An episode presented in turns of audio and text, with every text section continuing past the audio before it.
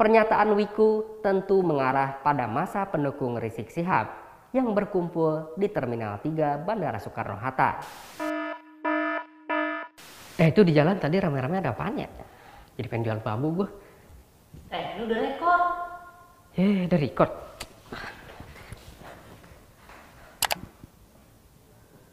Selamat datang di Berita Buru-Buru, terdepan dalam mengobarkan. Bersama saya, Mr. Kece. Membahas kejadian terkini dengan buru-buru, sehingga Anda harus mencari referensi lain. Bosen, bosen dalu openingnya gini mulu. Kita ke berita pertama. Partai Masyumi terlahir kembali. Yang menarik, pendiri Partai Umat, Amin Rais, menyatakan siap bergabung dengan Partai Masyumi jika ternyata Partai Umat tidak lebih besar dari Masyumi. Wow, tidak percaya diri. Namun, jika yang sebaliknya terjadi bahwa Partai Umat ternyata lebih besar dari Partai Masyumi, figur penggerak reformasi tahun 98 ini mempersilahkan Partai Masyumi gabung dengan Partai Umat. Feel free to join us, ujar Pak Amin. Sebagai dua partai baru yang kalau diibaratkan Liga Italia sedang berambisi promosi ke kasta tertinggi Serie A, kami sarankan untuk bekerja sama. Meski kami duga mereka juga sangat sadar kalau fansnya adalah generasi tua yang mencoba untuk relevan dengan zaman. Kalau dua partai gurem itu, eh maksud kami partai baru itu jadi fusion ala Goku dan Vegeta, kami sarankan namanya menjadi Partai MU alias Masyumi Umat. Memang mirip klub besar Liga Inggris yang kini juga jadi mediocre. Kita ke berita selanjutnya. Pemerintah menggratiskan biaya tol tidak pakai kon. Kalau kata SJW, kita memang masih senang membangun infrastruktur fisik, tapi kadang lupa membangun mental anti korupsi. Hah. Hanya saja, pemberlakuan ini dikhususkan untuk ruas yang baru dibuka, yaitu Tol Cimanggis Cibitung Seksi 1. Namun sayang beribu sayang, penggratisan ini cuma sampai November 2020. Pembukaan jalan tol ini untuk mengurai kemacetan di sepanjang jalan alternatif Cibubur. Tentu itu tujuannya, bukan untuk investasi. Karena untuk warga Cimanggis, gas alam, Keranggan, sampai Cikeas dan sekitarnya tentu sudah kenyang sama macet di area junction, Buperta atau perempatan Keranggan, Plaza Cibubur. Sebuah fakta yang tentu tidak kalian pedulikan jika kalian bukan orang sana. Memang di jalan alternatif itu lebih sering macetnya dibanding lowongnya. Jadi, kalau ada tol, apalagi mumpung gratis, mending lewat tol aja. Hitung-hitung kenalan sama cor-coran baru jalan tol layang. Namun jika Anda cuma pakai Karisma 2004, mohon maaf, tol ini bukan untuk Anda. Bisa tuker tambah dulu sama Islet tipe D.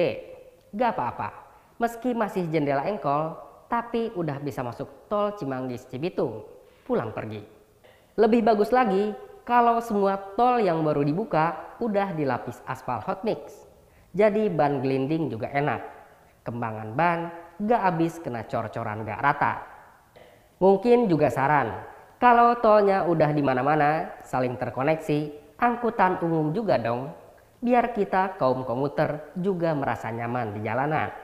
Kita beralih ke berita selanjutnya. Frederick Yunadi, mantan pengacara Setia Novanto, menggugat mantan kliennya itu karena belum membayar lunas jasa sebagai pengacara. Nilai gugatan diketahui mencapai 2 triliun rupiah lebih. Nilai yang kami sendiri suka lupa, triliun itu angka nolnya berapa. Frederick yang kalau kalian ingat akhirnya juga menjadi terdakwa dan telah dipenjara itu baru dibayar 1 miliar rupiah oleh Setia Novanto. Padahal Fredrik seharusnya mendapat 28 miliar rupiah. Nilai itu dihitung dari total 14 legal action atau upaya hukum. Pantas saja pengacara kondang auto kaya. Biaya legal actionnya saja dibanderol 2 miliar rupiah. Kami ini yang auto miskin jadi makin auto minder. Ini baru Fredrik. Gimana coba kalau Bang Hotman? Ada lawan nggak bang? Saya pernah baca Omnibus Law loh bang. Frederick juga memasukkan gugatan imaterial. Fredri hitung kerugian dirinya sendiri saat dipenjara dikali masa tahanan. Selain itu, dia menghitung kehilangan pemasukan nafkah dengan nilai 20 miliar rupiah per bulan. Gokil. Yang kami kurang paham, kenapa Anda merasa rugi saat Anda kini tengah di penjara? Bukankah di penjara tidak butuh uang? Ha ha ha ha. Ha ha ha ha. Ah, sudahlah. Kami tidak ingin urusin harta orang lain. Apalagi harta orang-orang yang sudah dipenjara. Wow. Untuk Papa minta saham Setia Novanto, ada baiknya Anda bayar saja jasa advokasi Frederick. Kan harta Anda 115 miliar rupiah. Eh, maaf, ngurusin harta orang lain lagi nih. Kita beralih ke berita selanjutnya. Warga Jakarta kini sudah bisa menggelar pesta pernikahan. Tentu ini bikin happy para CPP dan CPW alias calon pengantin pria dan wanita. Bagaimana tidak happy? Lima bulan lalu udah ketemuan antar keluarga, udah tetapin tanggal, eh PSBB, jadi manyun. Kalau sekarang izin dari balai kota sudah keluar, tapi kalau kalian mau resepsi syaratnya tidak kalah ribet. Seperti patuhi standar protokol COVID-19 dengan kapasitas maksimal hanya diisi 25%, juga harus ajukan proposal ke Pemprov DKI Jakarta. Lah iya ya, kita masih ada COVID. Ketentuan ini juga berlaku buat mereka yang menggelar pesta pernikahan di rumah. Sepertinya aturan ini hanya berlaku untuk mereka yang sudah nabung untuk bayar catering dan sewa gedung.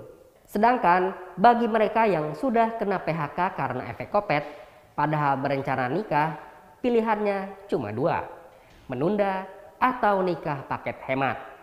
Datang ke KUA, akad, dan kasih amplop terima kasih ke penghulu.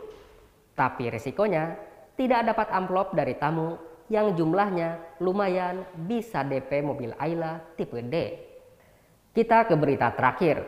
Juru bicara Satgas Penanganan Kopet Wiku Adhisa Smito meminta masyarakat untuk peduli pada situasi yang belum benar-benar pulih dari COVID. Pernyataan Wiku tentu mengarah pada masa pendukung Rizik Sihab yang berkumpul di Terminal 3 Bandara Soekarno-Hatta hingga jalanan Petamburan. Wiku meminta masyarakat untuk tetap patuh protokol. Kami sendiri paham maksud baik Pak Wiku. Tapi apakah Satgas pantau realita di lapangan?